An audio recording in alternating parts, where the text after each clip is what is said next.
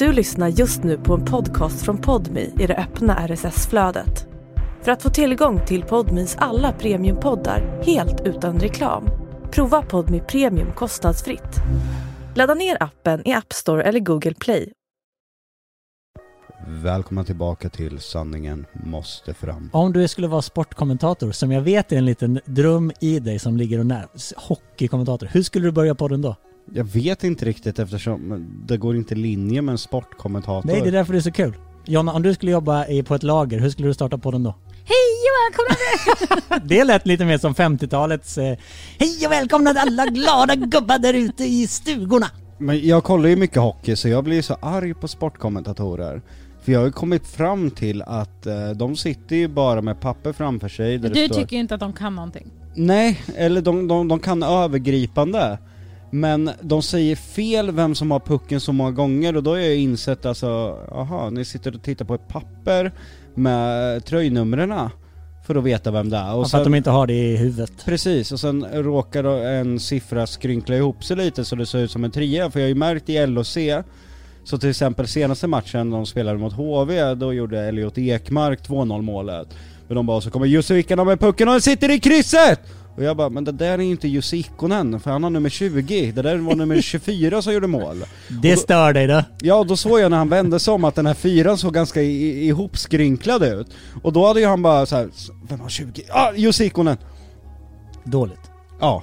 Men ja, också, till deras försvar, varenda jävla hockeyspelare ser ju exakt likadant ut. När man har hjälm och allting, det måste ju vara lättare med fotboll menar jag. Ja men man kan ju ke- man får ju tänka kedjorna.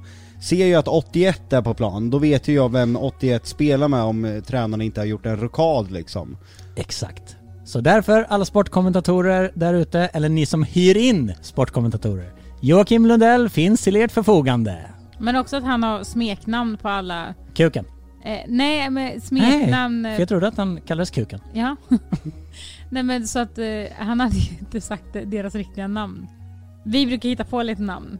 Ja, du menar att du hade kört smeknamn på hockeyspelarna bara för ni är så, många kom, ni är så kompisar? Nej nej, utan vi har lite Du. roliga namn.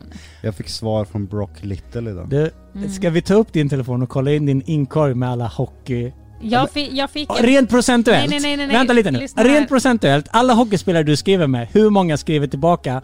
Eller hur många var de som initierade kontakten? Eh, initierade inte så många. eh, jo fast en del faktiskt. Eh, Tjena. Är det för att de har hört podden och vet att du är hockeyfantast? Okej, det första Jocke skrev till mig men idag. vad fan Jonna. 10.19. Vad var det? Vi, Nej. vi, sov, vi sov lite längre idag. Mm. Eh, så skrev... Skick, Skäms du nu? han Nej. skickar en bild här på en eh, konversation med Brock Little ifrån eh, LOC då. Eh, och då har Jocke skrivit Hej Eh, kompis. Hope to see you Hope to see you back on ice soon. Och då har han skrivit tack Jocke. Då har, då har Brooke lite skrivit Who are you? Stop, Nej. stop spamming me. Han var frågetecken, frågetecken. Nej han har skrivit tack Jocke. På svenska? Ja. Eh, Brock Little är ju, av- eller har varit, nu börjar han bli till åren, men han är ju fortfarande väldigt Alltså bra. han är riktigt jävla Ja, bra. Alltså, L- LOCs ledande spelare, det är hjärtat i LOC. 100%. Men vänta lite nu, vad håller du på med där borta? Är du någon slags hockeyfantast också? Jag gillar hockey. Gillar du Brooke Little eller? Ja. Vem gillar inte Brock Little? Alltså han, han är så jävla rolig för han är, är du ganska kär i liten. Brooke Little eller? Ja det är. Större eller? Nej men han, han är ju ganska liten om man jämför mot, Är det mot därför andra. han heter Brooke Little? Nej men det är det som är så kul, han heter Little och sen är han lite mindre än alla andra. Men han är så jävla bra. Alltså och så jävla snabb också. Ja men det har varit hjärtat i LOC i många år och han åkte ju på en eh, knäskada för ett par omgångar sedan. Vilket var jävligt läskigt, Eh, jag hade faktiskt på riktigt eh, svårt att sova några nätter efter. ja men han är ju 35 nu, ska fylla 36. Ja. Eh, åker du på en kors eller ledbandsskada i den åldern då, Då är det oftast, kört. Ja då är det kört oftast. Och eh, jag tror det var, eh, de var mot Frölunda. Ska de bara åka förbi lite snyggt, kör Frölunda-backen ut knät liksom bara smack in i hans knä.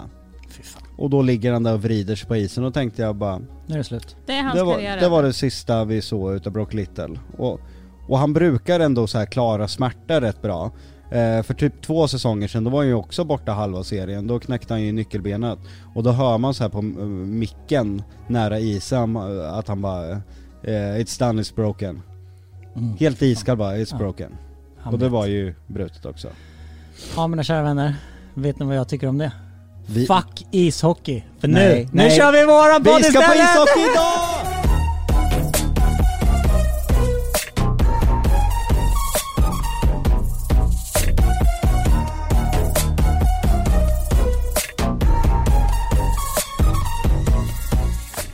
Vi ska på ishockey idag. Ja. Jag vet att ni ska på ishockey, är det därför du lyser i dina ögon? men det ska bli kul, fullsatt, fullsatt. match.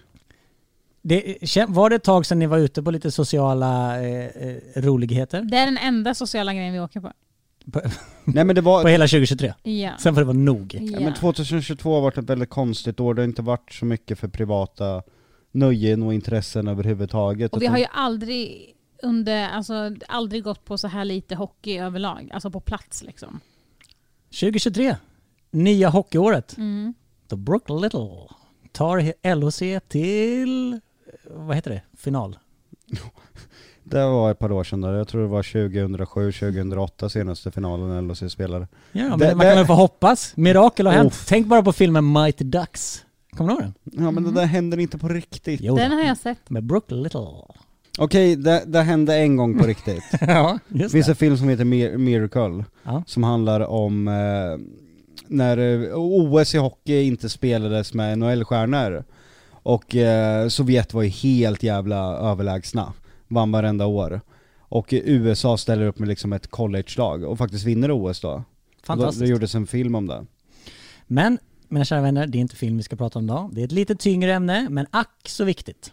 Ja. Efter när vi hade Jockes svarta hål avsnitt, när vi pratade om din psykiska ohälsa, eh, och lite innan dess så har jag ju frågat våra lyssnare om just frågor om psykisk ohälsa.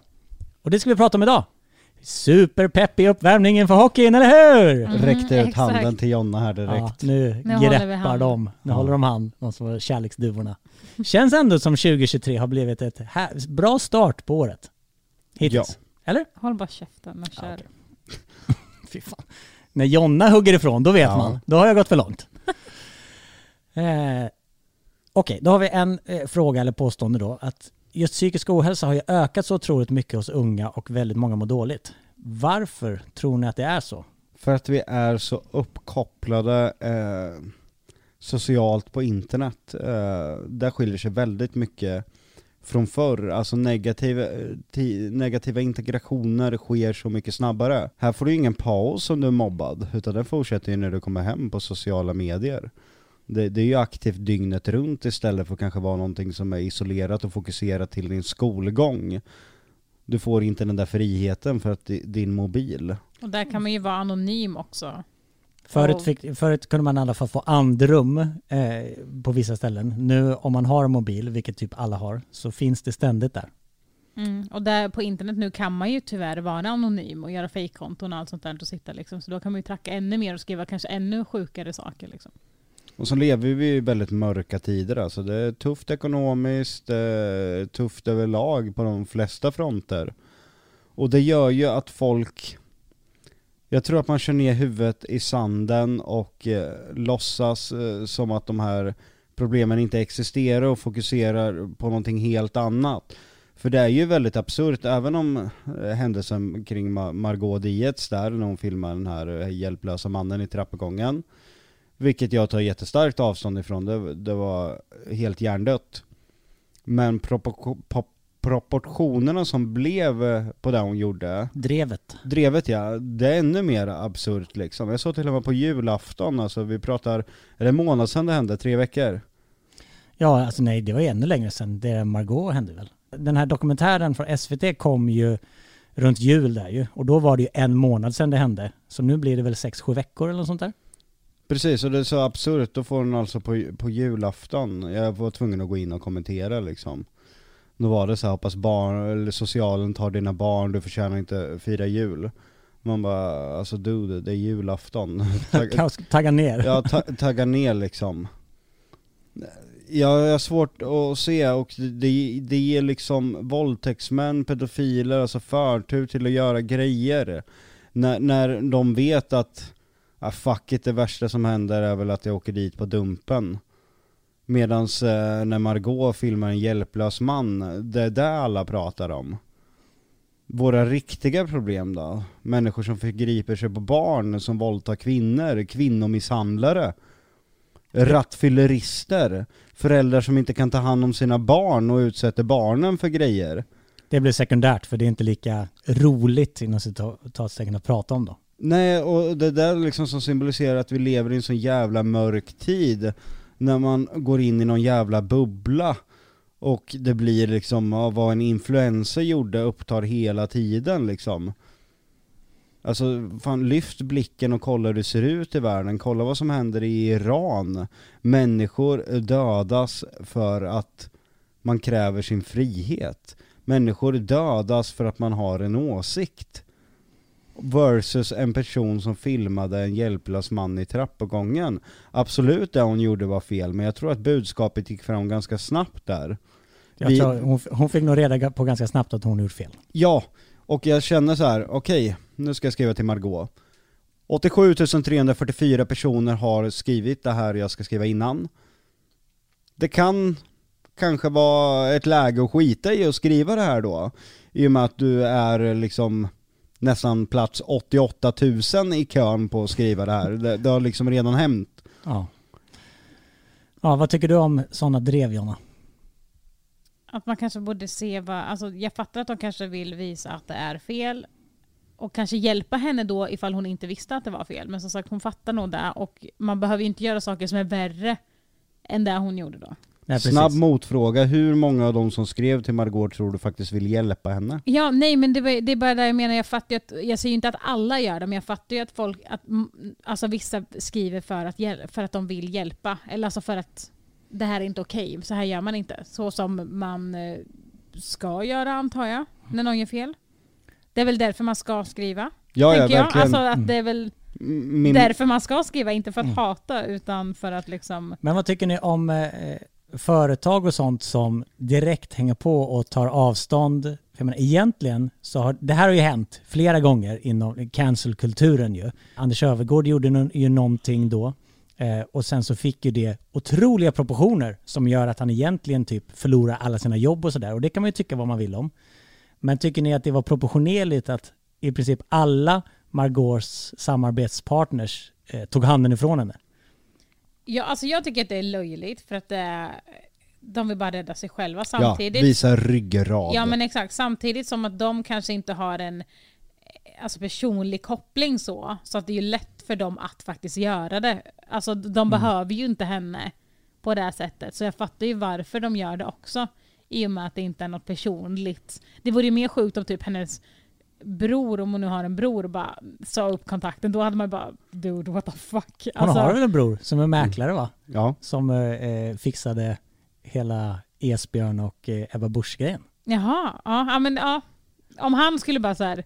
Fuck du you, vad? fuck you Margot. Ja, vet du vad syrran? Alltså, ner i helvete med dig. Då hade jag Ja. bara, eh, what the fuck. Nej men jag kan ju tycka att, för jag menar, många av de här eh, influencersarna har ju liksom eh, samarbetspartners lång tid ju. Mm, Så de blir ju ansiktet utåt för deras märken. mm, Och jag kan tycka att vissa grejer kan ju vara sådär, ja ni rider på, på uppmärksamhetsvågen när det går bra, Ja. men ni hjälper fan inte till när det går dåligt. Jag menar, ett företag kan ju också gå ut och säga så här, vi håller inte med om den här enskilda händelsen, men vi stöttar ju och gillar ju Margot i övrigt. Sen tyckte vi att det hon gjorde var helt förkastligt ja. och vi kanske kommer ta en paus från att samarbeta med henne. Men alltså, det är ju inte så att hon är en i grunden ond människa på Nej, grund av det, för att exakt. hon gjorde ett Hon misstag. förtjänar ju inte att liksom, alltså få alla samarbetspartners att bara klippa bandet. Nej men det är ju det konsulkulturen egentligen står för. Det är ju inte att du ska kancellera personen i fråga utan det är att du ska cancellera egentligen allt runt personen så att det blir en hel cancellering. Mm. Eh, De här företagen har ju förmodligen inte skrivit det här om de inte hade fått hundra personer som skriver och kräver i, st i stort sett ett hot. Det blir en slags utpressning. Du, eh, vi kommer att förmedla att ni står bakom det här om ni inte avslutar samarbetet. Och för företaget i fråga bara shit nu har vi 150 i inkorgen här. Eh, nej, men vi drar ur ryggraden nu och bara lägger oss platta. För det som hände sen var ju att eh, JLC gjorde någon video där det var någon dildo som cirkulerade och de skämtade med varandra och åkte in i någons eh, asshole kort eh, sagt. Ett internskämt mellan grabbar. Och då kommer ju Valio då, för då börjar ju folk bara nu ska vi cancellera Jonas i JLC. Mhm. Och då känner man ju okej nu gick det här lite för långt kanske. Men då började de skriva då till Jonas samarbetspartner och då var det ju faktiskt ett som la sig, Valio eller vad de heter, som han har samarbetat med. Och då blir jag så här bara, jag hoppas att Valio går i konkurs för det där var ta mig fan det mest fega ryggradslösa jag någonsin skådat. Och jag blev snarare så här, jag kommer aldrig köpa någonting det står den här logotypen på. Ja. Fy fan vad ryggradslöst alltså. Då försökte de göra Margot på Jonas i JLC för ett internskämt. ja. Cancelkulturen har gått lite för långt då, Ja, kan man säga. Vi kommer från ämnet lite bara för att vi blev upprörda. Eh, åter till frågebatteriet om psykisk ohälsa. Eh, har Jocke och Jonna erfarenhet av panikångest och hur har den det i så fall sett ut? Vi börjar med dig Jonna. Nej, fråga Jocke. Du har aldrig haft panikångest? Alltså, jag har sett när Jocke har det och då tror jag inte att jag har haft det. Okej. men jag kan ju berätta så kan Jonna ändå, för jag vill ändå att hon kan förklara för de som lyssnar hennes perspektiv och hur hon upplever det när jag Precis, för många frågar ju hur den anhörigas Ja. perspektiv på det och det är ju Jonnas roll egentligen i det här avsnittet eftersom vi vet att Jocke lider av psykisk ohälsa och Jonna eh, är anhörig helt enkelt. Jag har ju panikångestattacker eh, och jag hade det i ungdomen och i, i kanske till 23 års, 24 års ålder där väldigt aktivt. Sen var det lite paus, eh, några år, och sen har den nu kommit tillbaka starkare på, på senare tid. Men så som det är för mig, alltså jag, jag känner ju innan det ska komma, oftast redan flera timmar innan. Då börjar pulsen gå upp på mig och eh, det är som att jag har en lätt andfåddhet hela tiden. Jag känner liksom, jag, jag, jag kan inte andas fulla andetag för jag får inte in den luft jag behöver. Och eh, pulsen skenar, eh, jag börjar känna mig kallsvettig, jag blir oftast kall om händerna. Eh, och sedan så, så kommer det någon slags eh, tomhet som bygger sig på i kroppen. Och jag behöver oftast liksom ta lite avstånd från människor. Eh, sen blir allt så jävla tufft när det kommer att jag inte kan tänka på någonting annat än att det känns som att jag ska dö. Det känns som att hjärtat kan stanna när som helst. Och just nu är inte det här, jag vet att många upplever panikångest som att det känns att de ska dö, att det är det värsta. När jag har mått så här dåligt så, så har jag ju snarare känt att skitsamma om jag, om jag dör. Utan det som har varit mer jobbigt för mig är den, den smärta jag känner i, i, i kroppen ut- utav tomhet som liksom äter upp mig under panikångestattackerna. Och det gör liksom att eh, jag måste ligga och hyperventilera, eh, kanske behöver skaka benet jättesnabbt liksom. Någonting som att jag gör någonting. För att visa att du själv finns kvar på något sätt. Inte bara det utan att skakar jag benet så kanske jag känner att jag blir trött i benen till slut. Jag kan koncentrera så här en, två, tre, fyra, fem, sex, sju, åtta. Och samtidigt, Men hur länge håller en panikångestattack i sig? jag vet inte riktigt, alltså det är nog mer Jonna som kan svara på för att tiden fungerar inte riktigt som den gör på riktigt för mig i, i, när jag är inne i det. För eh, i de gångerna jag har upplevt, jag har jobbat med tv så länge och då har jag jobbat med väldigt många deltagare i olika eh, sammanhang som har fått panikångestattacker. Men då har jag upplevt det som att jag har gått från 0 till 100 väldigt snabbt. Jag har inte upplevt den där eh, gnagande känslan som du beskriver. Och jag förmodar att alla panikångestattacker är olika beroende på vad man är som person. Men Jag tror att jag har levt i det så pass länge att jag har lärt mig signalerna för när det börjar komma. Vilken dag det kommer ske liksom. Mm. Ja, du, du, precis. Du ser tecknena tidigt som kanske andra som inte haft det lika ofta har, har gjort liksom. Men hur eh, upptäcker du också på hur han, på hur Jocke beter sig? Kan du också se det bara, okej, inom en timme, då, då har vi det. Då Nej, kommer alltså, attacken. han, alltså både ja och nej, jag vet ju när det, när det är på gång. Alltså så här, okej, eh, idag kommer han få det, förmodligen ikväll, för jag, det kommer nästan samma tider, alltså dygnsmässigt liksom. Och gärna också typ när det är helt tyst. Alltså när han inte har någonting att göra. Alltså när det liksom är för, annars kan han ju typ dränka sig i någonting annat och göra någonting för att inte tänka på det typ. Ehm, men sen är det ju att han bara blir helt tom liksom.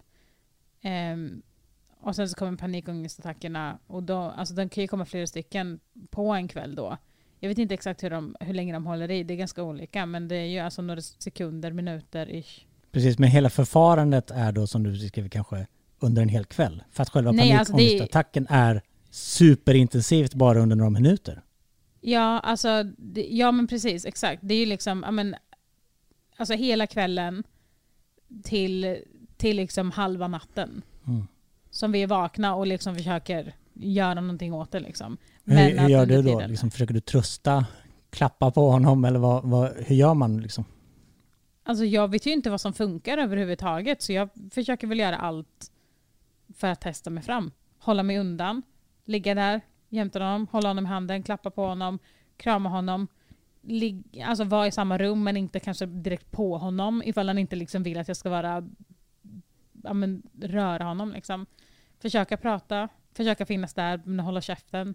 Alltså, Har du identifierat Jocke vad du behöver i sådana tillfällen? Eller kan man inte ens tänka då så att det är svårt att veta? Det går inte att tänka överhuvudtaget. Eh, Det finns inte ett utrymme för en tanke för att det du känner upptar allting.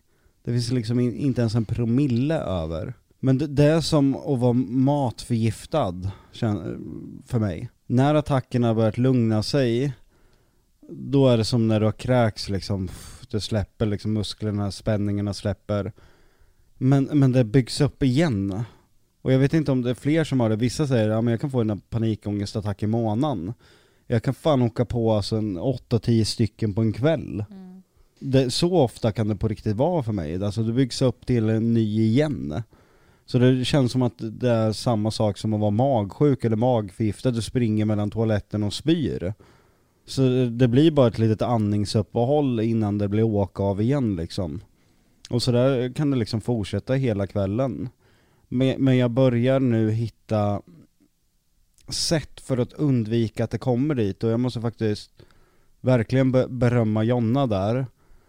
Hon, hon har hjälpt mig att hitta ett sätt att greppa det här och faktiskt förebygga och få mer kontroll över det och till, till er som lyssnar det fungerar faktiskt. Det finns sätt att undvika att ni kommer till den punkten då ni får den här attacken och allt blir för jobbigt. Ni behöver bara hitta människor runt er som kan hjälpa er att dels att finnas för er och dels att prata om det och dels att bearbeta det, få ett grepp om det. Lära känna din psykiska ohälsa och, och din panikångest. För Man brukar ju säga det att eh, håll dina vänner nära med dina fiender närmare. Och din psykiska ohälsa och, och panikångest är ju en slags fiende. Håll den nära. Lär känna den, hur, hur, hur den fungerar. Och jag tycker faktiskt att eh, den senaste veckan, även om jag har mått riktigt jävla rövbajs, det ska inte sticka under stolen, så har vi på något sätt fått det att fungera. Det, det har inte varit jättehöga liksom, toppar när man har mått bra, men det har inte heller varit jättedjupa dalar. Liksom jag har fått måendet att gå mer på, på ett snöre liksom, eller vad känner du Jana? Igår hade ju du en skit, skit, skit dag och du borde ju egentligen logiskt sett fått minst tio attacker. Men du fick ju inte en enda. Vad jag vet om. Inte när jag var i närheten. Nej. Jag började med att städa av undervåningen, alltså tok eh, panikstäda. Är det för att sysselsätta dig själv då? Ja, måste sysselsätta mig med någonting. Eh, nej men jag skulle faktiskt säga att det är mycket tack vare Jonna. Förr var jag mer rädd för att få panikångestattackerna för att jag kände mig så fruktansvärt ensam. Jag känner det inte längre, alltså den här ensamheten. Det känns som att jag har Jonna som tar emot mig när jag faller. Och jag tror att är du rädd för någonting, jag brukar alltid dra så här en, en referens från, från Star Wars, att Anakins rädsla för att förlora saker egentligen är det som driver honom till den mörka sidan. Och ju hårdare du håller i någonting, ju, ju, ju större chans är det ju att det går sönder. Och du håller ju hårt utav rädsla, men det du gör egentligen är ju liksom att kväva eller förstöra det. Och jag tror att när jag är så rädd för de här panikångestattackerna och att komma till det här liksom mörka hålet som jag inte vet hur, jag kommer upp ur, så driver jag mig själv närmare det. Men jag är inte lika rädd för det längre. För att jag har Jonna.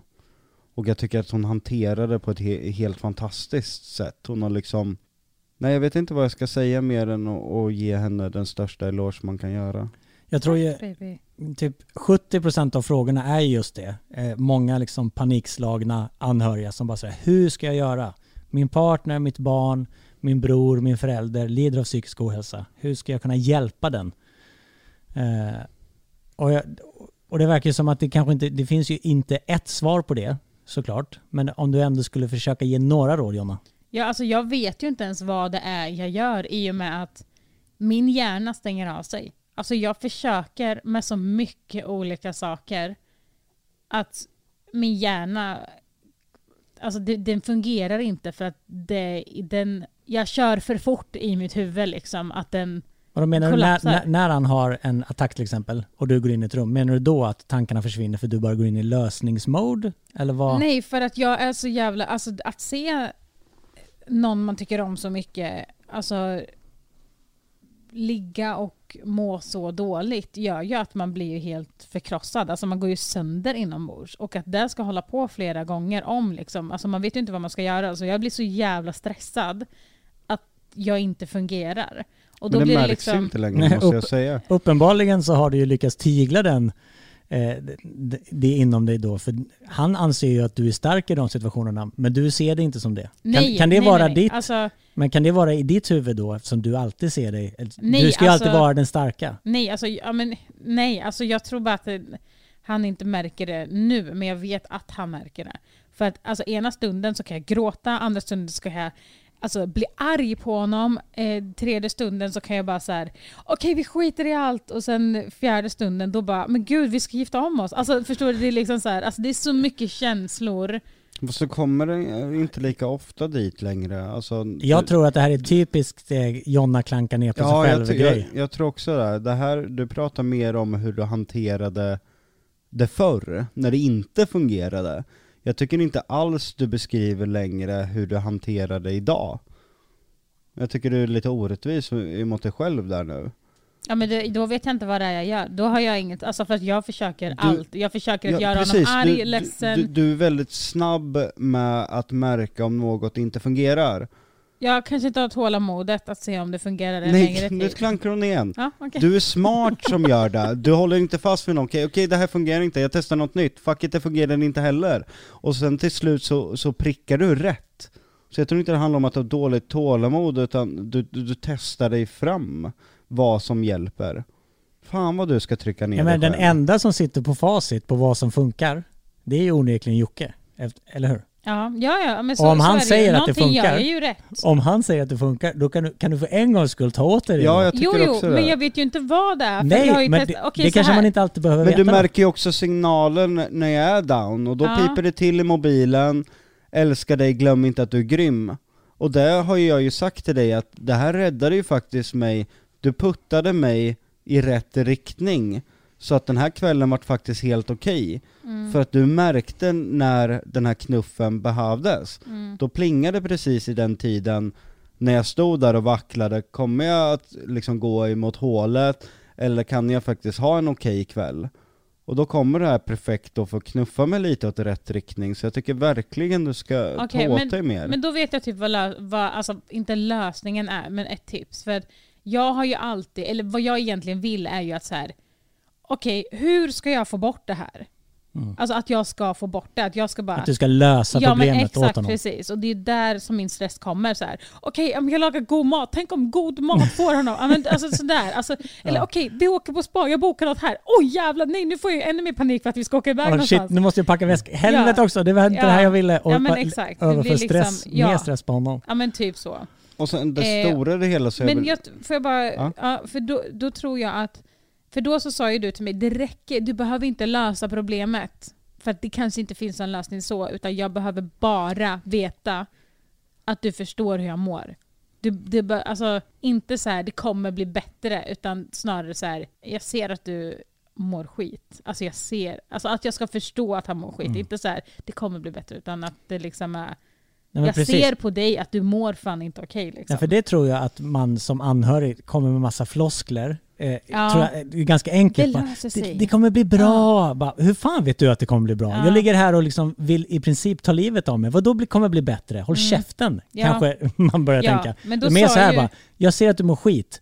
Säg till om jag kan göra någonting. Det är Exakt. precis så hon hanterar Och det. det, och det är så du har sagt till mig att hantera det. Så då är det ju du som har suttit på det. För att det är ju så jag försöker göra nu. Och liksom, jag har ju tänkt så här, för han bara, men varför skriver du inte till mig och frågar hur jag mår? Jag bara, ja men jag vet ju hur du mår. För för mig är det så här, okej men ska jag fråga dig 58 är- äh, gånger för att du redan ska, eller för att du ska behöva säga det högt alla de gångerna? Jag Mm. fattar ju grejen men det känns också så här lite hånaktigt att bara hur mår du? Ja men snälla du frågade mig för 10 minuter sedan. Du Mm. vet hur jag mår idiot. ja, Där- ja kanske där- det jag behöver då. Att jag, att jag sa just den grejen är för att jag vill att du inte längre ska fly ifrån och vara rädd för att jag mår dåligt och liksom distansera dig från det för att du inte klarar av att jag mår dåligt. För, jag, för, för nu senaste tiden så har du mer tagit tjuren vid hornen, okej. Eh, Min partner mår inte bra. Det är Mm. så. Du har accepterat det. Du har gått så många år innan och vägrat acceptera att verkligheten är att jag inte mår bra för att du har så svårt att ta in att jag inte mår bra Mm. eftersom jag, du känner att jag är ett stort stöd i ditt liv delvis och du är Mm. rädd, du blir ju väldigt rädd när jag går sönder. Alltså kollapsar du kollapsar jag. För så är det ju inte. Nej. Jo, För när han kollapsar så är det ju du som står kvar där ju. ja, fast jag är- kollapsar ju Ja, nästan. men du, ja, du tror det ja. Din självbild kanske är att du kollapsar. Men verkligheten är ju att du inte gör det. Tack Jonas. Ja men Du- så är det ju. Ja, jag håller med dig helt. Alltså du har tagit enorma kliv i det här. Du har liksom, för det första liksom accepterat situationen för vad den är och att du inte kan kanske lösa problemen över en natt. Och du har hittat nya vägar. Jag känner att saker har blivit betydligt bättre bara sedan det avsnittet när jag pratade. Och även veckorna innan som jag sa i det avsnittet också att Jonna har hittat ett annat sätt att, att hantera det här. Istället för att liksom förneka det och sig själv att det existerar så har hon accepterat det. Jag var faktiskt inte snäll emot dig eh, för några dagar sedan. Mm, ska du trycka ner dig själv nu igen? Nej men jag var ju inte det. Berätta vad som hände Vad då. Så, ska då? vi, så kommer en jurydom här från mig om du var snäll eller dum. Jag, men för jag, jag tror att vi bara tycker olika där. Ja, säg vad som hände då. Ja. Eh, jag var i badhuset med barnen, med två barn. Mm. Eh, och Jocke var hemma och eh, städade. Eh, och sen eh, när vi ska åka från badhuset, det är ju inte jättepoppis att åka ifrån ett sjukt kul ställe. Nej, liksom. det vill de inte. Nej. Och det var efter läggdags och allting, så de var ju jätte, jättetrötta, jättegriniga och bara, ja. Och sen liksom två barn på en person, kaos. Eh, och så ska jag försöka då byta om på dem och lalalala. Jag har ju inte telefonen på mig i badhuset, i och med att jag badar med två barn. Mhm. Eh, Jocke är ju hemma, städar, skriver lite då och då. Jag försöker kolla till telefonen lite då och då, för att ändå liksom, jag vet att han är hemma och mår dåligt. Svarar väl lite någon gång ibland, något lite snabbt. Eh, men sen eh, när vi ska göra så här sista kicken, typ, ja, men okej nu ska vi bubbla lite och nu ska vi simma lite här, så att de verkligen, då kollar inte jag på telefon. Eh, och då eh, så ska vi gå ner sen till omklädningsrummet. Det är kaos för att barnen vill ju absolut inte åka hem och la la la. Eh, dagen efter där ska vi åka och fira jul, det är sent och vi, jag måste fixa massa grejer, det är lite stress. Um, och då ser jag när jag håller på att klä på barnen så kollar jag på telefon för då ska jag kolla vad klockan är för vi ska hem och spela in en video också när barnen har somnat. Ja, jag, jag kan fylla i så man förstår sambandet. Vi hade ju då bestämt att vi skulle slutföra ett jobb på kvällen som var ganska viktigt, eller behövdes göras då. Eh, gjorde vi inte då, då hade det brunnit inne.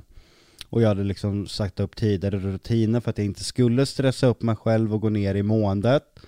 Eh, så jag liksom, när jag såg på klockan, bara, men shit, hon har fortfarande inte svarat. Eh, nu kommer inte vi hinna lägga barnen, nu kommer inte vi hinna göra det här och börjar bli liksom stressad och bara shit, nu måste ni gå upp eh, ur bassängen om vi ska hinna med det här. Men då var ju Jonna redan på väg hem, bara att hon inte hade svarat mig. Mhm. För att jag, jag försökte ju ringa Jocke. Vilket inte syndes på hans telefon, så där tjafsade vi om för att jag bara Här, du ser ju att jag har ringt. För att om han har skickat sms och jag håller på att klä på barnen och de är kaos, då kan ju inte jag sitta med telefonen och svara på ett sms. Nej. Utan då är det ju lättare för mig att sätta på högtalare, ringa och säga eh, Jag håller på att klä på barnen nu, vi ses snart, jag åker hem alldeles strax. Eh, och jag visste ju tiden när vi skulle spela in. För det hade jag ju frågat om, så jag vet ju på ett ungefär liksom marginalen. Eh, och eh, han svarade inte, då tänkte jag, okej okay, men då har han ju ändå fattat att... Då ser han ju att jag, in, eller att jag har ringt och då har han väl fattat att jag har sett. Liksom. Eh, så antingen ringer väl han upp eller så ja, men, eh, ses vi snart hemma. Ja för jag trodde du fortfarande var i vattnet och när jag kollade på klockan bara okej, okay, nu har det brunnit inne, vi hinner inte göra det där och då stressade jag upp mig. Men då var ju du redan utanför när jag fortfarande trodde att du var kvar i ja, för, bassängen. Men vad, vad, menar du att du gjorde då som var fel? Nej men för då skriver han sms till mig fast min telefon ligger ju i fickan eftersom mm. att jag har kastat in barnen i bilen eh, och håller på att köra hem så då sitter ju inte jag med telefonen eh, i bilen heller. Och då eh, när jag kommer in så, ser, så blir han så här, men vad fan svarar du inte för? Jag bara, men vad pratar du om? Jag ringde ju dig, varför svarar inte du? Och typ så här, han bara, du har inte ringt? Jag bara, men eh, jo jag har ringt. Han bara, nej jag har inget missat samtal. Jag bara, inte mitt problem. Jag har liksom, mm. alltså så. Och så bara brusar han upp jättemycket och då blir jag så här, men alltså driver du med mig? Jag är i badhuset, jag är rädd för vatten och har jätterespekt för vatten. Jag är där då med två barn som liksom, alltså barn ska inte vara, eller de ska ju vara i vatten, men det är, alltså det är en läskig kombination mm. med barn och vatten. Jag sitter inte vid telefonen och då drog jag en line så här, eh, för att han skulle förstå då att Ja, att han sitter ju så himla mycket med telefonen. Och då jag så här, alla kanske inte eller min tanke var att det skulle ja. låta så här. Alla kanske inte sitter med telefonen eh, tillgänglig precis som du, alltså li, lika tillgänglig Nej. precis som du. Men det var inte det som kom ut ur min mun. Nej, orden vart lite annorlunda. Vart, vart, hur var orden då? Jag kommer inte ens ihåg dem, jag var så arg. När jag är iväg så sitter inte jag med telefonen hela tiden. Och då blir jag så Ja, inte riktigt så, men nästan. Ja. men det, orden som kom ut tolkar du Jocke som att du är helt frånvarande när ni ja, gör någonting och exakt. bara sitter med telefonen? Precis, det var så han tog dem. Och då blev jag så här, jaha, allt jag gör för att styra upp saker eh, tar allt som är skitjobbigt så att du ska slippa att göra det, får jag skit för nu helt plötsligt? Medan vad jag egentligen menade var att okej, okay, barnen är i fucking vatten. Mm. Jag kan inte sitta och smsa med någon. Jag sitter inte med telefonen när, och liksom när barnen håller på och skriker så. Min prioritering är inte att svara på något sms när du vet att jag kommer hem den här tiden. Du vet vart jag är. Ja, fast jag liksom visste ju inte att du kom hem den tiden. I och med att... Men jag håller väl alltid tider. Man, men hur ska jag kunna veta det? Min poäng var i alla fall, det, tog, det hade tagit tre sekunder att skriva 'kommer nu' Även om barnen är kaos, det hade tagit tre ja, men, sekunder. Ja, precis. Men jag prioriterade då kanske att ta de tre sekunderna för att faktiskt komma iväg. När, när, jag ändå, alltså, när du vet att jag kommer ändå komma hem. Och vad resulterade det här? Resulterade det här i att kvällen blev piss? Nej. För att ni Nej. blev ovänner? Nej.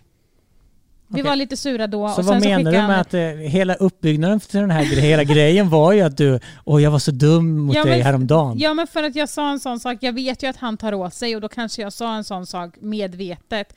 Lite luddig sak. Jag menade du på ett annat sätt. Du ville trycka in kniven ja, lite? Li, lite så. Att jag, jag visste att han skulle misstolka det, för att det är oftast det han gör i sådana situationer, för att han tar åt sig väldigt mycket. Och då Fast det var ju ingen misstolkning om det var det du menade.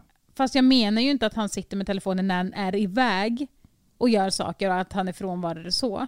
Utan det jag menar är att han har ju, alltså, är tillgänglig på telefonen hela tiden. Han är, alltså, förstår du vad jag menar? Jag Medan jag sitter inte och säger att när han är i busfabriken eller på badandet att han sitter med telefonen då. Medan jag visste att han skulle ta det så. Ja, precis. Fast ja, i min värld så om det var det du var ute efter den reaktionen så var det ju det du menade. Ja, fast ändå inte för att jag vill ju ändå dra en line där han ska förstå. För säga någonting, alltså säg, hade jag sagt det jag verkligen... N när, när hon vill eh, alltså, säga någonting så är det, alltså, det är svårt att förklara, jag känner dig så väl. Hon, jag måste ju säga på ett sätt där du tar åt det för att du ska kunna höra hon, hon vad jag menar. Hon vill sticka in kniven lite, så 30% av det hon säger är inte sanning och någonting hon menar.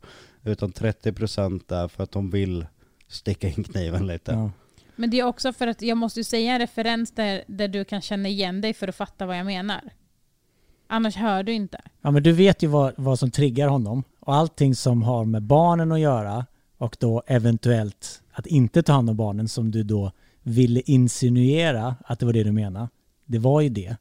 Att han inte, ta, att han inte är med, med familjen när ni gör grejer för han sitter nej, nej, nej, nej, nej, nej, inte så. Utan att han är, inte när han är med familjen. Ja, utan fast- överlag. Fast att han det var har... så jag tog det. Jag Ja. vet, och jag, det var ju där, jag Mm. visste ju att du skulle ta det så. Ja exakt det är det jag menar. För du visste att när du, när du formulerade så, så tar ju han åt sig Ja. när det kommer till just det ämnet. Eftersom Ja. barnen är det- Jockes absolut största grej. Exakt. Okej, ja, då, fatt, ja då fattar jag. Då var det ju lite taskigt av dig kanske att trycka in den kniven när du visste att det skulle vara. Men jag förstår ju, eh, och, men å andra sidan blev det ju ingenting av det. Jo, för att han var ju svinarg på mig för att jag inte hade svarat på sms. Och då blev jag så här, nej men okej, ska jag bara, okej, barnen, ja, simma lite där. Jag ska bara skriva här ett sms Nej, som är helt inte- obefintligt. Nej, men det var inte det han... Alltså när du satte det i bilen, starta bilen, barnet sitter fast, skriva så här, kommer nu. Jag hade inte ens telefonen på mig. Nej, okej. Nej, men det var ju det han tyckte att du skulle göra. Ja, exakt. Ja. Så det, det jag tycker är att vi har, alltså vi har olika, vi ser på det helt olika. Ja, där. för i din, i- du ringde ju faktiskt honom. ja, men det syntes inte på hans telefon, men det syntes i min telefon. Okej. Ja, ja. Men eh, ja. Så då tyckte jag att jag hade hört av mig på något sätt. Och det hade du ju. Ja. Nu hypade vi upp år, Årets grej, som inte var Årets bråk. årets Det minsta bråk, men det säger väl också ganska mycket att vi håller Men det är ihop också det största bråket vi har haft på jag vet inte hur länge. På, ja, där. Stör, största bråket 2023. Eh, alltså största bråket på alltså, månader, om inte ännu längre. Det säger ju ändå väldigt mycket om eh, att ni är väldigt samspelta just nu. Det, det var det som var min poäng i det här bråket, att dialog, kommunikation, skicka ett sms till mig som står och stressar sönder om vi kommer hinna allting, att du är på väg hem, för jag vet inte att du är på väg hem. Att du säger, du vet att jag kommer i tid. Okej, du har inte svarat på flera timmar, om du inte har åkt från badhuset nu så kommer inte vi att hinna där vi har Jag tänkt vill också ikväll. bara lägga en line där att han har mig i sin hitapp. Jag skulle ser- precis säga det. Ja, Du har väl han- han i hitappen? Exakt, så han kan kolla där. Så det där var nog bara lite att han ville ha svar från mig. Nej, för att när jag kollade senast så var, var du i, i badhuset där. Det var lite fördröjning. Nej jag vet inte, men du var i badhuset eh, sista Det kanske gången där jag min kollade. telefon var så att jag inte kunde var därför du inte hade den. Okej, jag fattar. Eh, vidare till nästa fråga. Det är väldigt många som skäms över att ha psykisk ohälsa och eh, är väldigt glada att vi dels pratar om det i podden, men varför tror ni att det är så skämsigt att prata om så att väldigt många bär det inom sig? Det hade varit så mycket enklare om man bara kunde prata om det öppet ju. Jag tror att eh, en stor del av det är att eh, det inte syns. Alltså att det inte syns utanpå. Man får inte rö- några röda prickar eller blåsor på kroppen eller liksom du har inte svårt att gå eller alltså det, det är ingenting som syns så utan det är någonting som är där inne liksom. Och att man borde kunna bita ihop. Ja men det exakt. måste man ju ha hört ganska många gånger om man mår dåligt psykiskt. Mm, Bara gör det bita bara. ihop. Ändra bara, bit ihop bara. Eller den här. Men det är väl bara att tänka att du är glad, så är du glad. Mm. Fy fan. Men det blir ju också att varför man skäms är ju för att när du öppnar upp så blir du ju ännu mer sårbar. Det är ju verkligen en akilleshäl. Och då blir det ju att man kanske skäms för det för att skydda sig själv för att och att berätta om att du, du inte mår bra så bjuder det ju också in människor till att trigga dig och få reaktioner utav det. Jag kan känna det, jag tycker det är skitjobbigt att göra en video på youtube och berätta om att jag mår dåligt. För att jag vet att det kommer uppmuntra mä- människor med tvivelaktig moral till att få mig att må ännu sämre. Men känner du också som man eh, att det är extra pinsamt eftersom män då i den generella synen ska vara, liksom vara så starka? Ja, ja absolut. Det, det, nej, jag, ty, jag, tycker, jag tycker det är jobbigt eh, för att blotta mig för att jag är van vid att folk då hugger mig i ryggen ännu hårdare. Det blir så här, okej nu, nu luktar det blod i vattnet, då kommer hajarna. Det är många som skriver eh, och det eh, gör ju ont i själen för det känns som att det är ganska många unga människor som skriver att de självskadar sig själva. Eh, snälla lider av självskada, jag behöver verkligen hjälp. Kan ni snälla prata om det ämnet och hur man tar hjälp? Och jag tror ju att den snabbaste svaren på den frågan är ju att söka professionell hjälp. För jag tror ju att eh, det är väldigt, väldigt svårt som anhörig att komma med en lösning på det. Ja, mitt bästa råd är väl att i alla fall försöka hitta ett självskadebeteende som inte skadar dig tillräckligt allvarligt. Ett självskadebeteende du kan leva med. en distraktion till, för det är ju bara själv, alltså självskadebeteende, alltså det, det lever jag verkligen med. Alltså det, det känns som att självskadebeteende och jag har umgått så pass jävla tätt att jag, jag, det känner, kan vara- jag känner det in och utan till. Men det kan vara allt från spelberoende, Japp. alkoholist, narkoman, Det som skära sig dig. själv, träningsnarkoman. Det kan ju vara hur många olika saker som helst ju. Verkligen, det som, känner, det som gör att du tar bort smärtan och, och fokuserar på någonting annat för en stund. Man, man, det du blir- försöker byta ut mot helt Ja, enkelt. Mm. och jag, jag försöker ju just nu hitta ett självskadebeteende som kanske inte ens är ett självskadebeteende utan eh, någonting att bearbeta där jag känner mig som eh, nu har det funkat i två dagar att städa, jag vet inte om det är någon långsiktig lösning men man kan ju inte säga att det är ett självskadebeteende att städa av huset eller lägenheten när man mår, mår dåligt men jag försöker hitta saker i självskadebeteende som i, inte drabbar mig på långt sikt och inte drabbar mig för hårt på, på kort sikt så att jag känner att uh, fuck it, jag dör inte av det här. Uh, jag kommer inte att brytas ner i längden, okej jag får ha det här tillfället tills jag står upp på benen. Men känner du någon gång att eh, fan det hade varit så mycket enklare om jag bara slukar en flaska vodka och slipper tänka ett tag? Ja, väldigt många gånger, men det är ett självskadebeteende som drabbar på ett helt annat sätt. Eh, jag, jag, jag försöker sätta dem i olika klasser. Liksom röd, ge, ge fan i det här ska, självskadebeteendet, Och det är ju liksom att skära dig i armarna. Eh, missbruka droger, missbruka alkohol, de är liksom klasser röd. Gå inte på det här facket. Och så finns det ju olika klasser neråt liksom. Gul är det spelberoende och liksom sådana som ändå kan drabba familjen ekonomiskt. Och grön, det är att städa. Ja men, men Eller typ- träna. Ja men typ så. Det är bra klassificering. Eh, Det är ju väldigt bra om man mår så pass bra så att man faktiskt kan välja grön, eh, eh, gul eller röd. Jag tror att de flesta som skrivit in till oss kanske är i den röda zonen och inte kan komma ut. Men försök för testa att- annat. Ja, exakt. Jag tror att det handlar om att, för, alltså, som Jocke varit inne på, att försöka lära känna sig själv. Och eh, där man mår dåligt över allt sånt. Liksom. Han har ju kommit väldigt långt i det. Eh, och att ta, alltså, ta hjälp också. Jag har ju velat eh, skära mig själv. Jag bad ju till och med bara, snälla låt mig bara göra det för det gör så jävla ont, jag skiter i det där jävla såret liksom. Men Jonas sa bara nej. Men Han har bett dig om en kniv i princip. Nej men alltså när han mår dåligt, Det var i så jag somras. sitter ju vid Ja. honom och när han mår så här dåligt så är det bara så här. Alltså jag gör fan vad som helst bara det här slutar. Mm. Och då blir han liksom så här. låt mig bara, säg, alltså, säg bara att jag får. Säg bara att jag får skära mig i armen. Ja men det var en, en gång eh, i somras, alltså det var en av de värre gångerna, då mådde jag alltså riktigt jävla unket. Då sa ingen bara fan testa om det funkar, alltså jag skiter i om det blöder lite i armen liksom. Det, det är ingenting som jag känner så här, oh shit det här kommer all förstöra mitt liv för all framtid, jag kommer ångra mig så pass mycket. Utan jag kände bara för stunderna bara, funkar det så funkar det. Jag, jag går under av att må så här. Men jag, jag höll undan och jag gjorde det inte. Och jag har fortfarande än idag inte gjort det. Jag hade i somras några gånger, eh, jag pumpade i mig alkohol.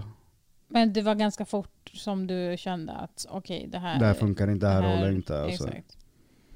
Och jag har ju bett dig gå in eh, i något rum och kasta någonting. Ja. Alltså det, att få ur sig där jag bara, alltså jag skiter i materiella Mm. saker. Kasta sönder någonting om du vill. Alltså, det, det funkar inte för mig för att jag är den där som kollar på så här katastroffilm och bara jävlar det rasade det där huset, där gick den där bilen sönder. Det, är- Mm. det är jobbigt i mig. Mm. Jag är inte den där som slår sönder saker, för jag mår, mår dåligt över sakerna som går sönder. Men det är en ständig kamp att hitta någonting att ockupera hjärnan med helt enkelt. Japp. Och vårt främsta råd är att mår du så dåligt så att du är i röd zon, sök Så- professionell ja, då måste du hjälp. söka hjälp. Eh, börja liksom inte... Sitter jag och gör råd när jag nej, inte men, gjorde det? nej men liksom bör, försök inte liksom så här, ah, googla upp liksom någon jävla hittepå-grej utan gå och Nej. få professionell hjälp. Och försök att få någon du litar på, om det är någon kompis eller någon närstående eller familjemedlem eller vad som helst. Liksom. Att förstå att det här är inte någonting du gör bara för liksom, uppmärksamhet eller för någonting sånt. Utan det här är för något helt annat. Det, alltså, det här är inte ens någonting du vill göra liksom. Det är inte därför du gör det. Och det finns massa hjälplinjer. Sådär Verkligen. kompislinjer där man bara kan ringa och prata av sig. Så då kan de säkert hjälpa en vidare. Ifall, för det kan ju vara jättesvårt. När man mår så dåligt så är det inte så här, åh, jag vet exakt vilket nummer jag ska ringa för att få Exakt. hjälp. Utan det vill man ju ha hjälp med. Alkohol vill jag verkligen varna för, för nu gick jag tillbaka i huvudet i somras.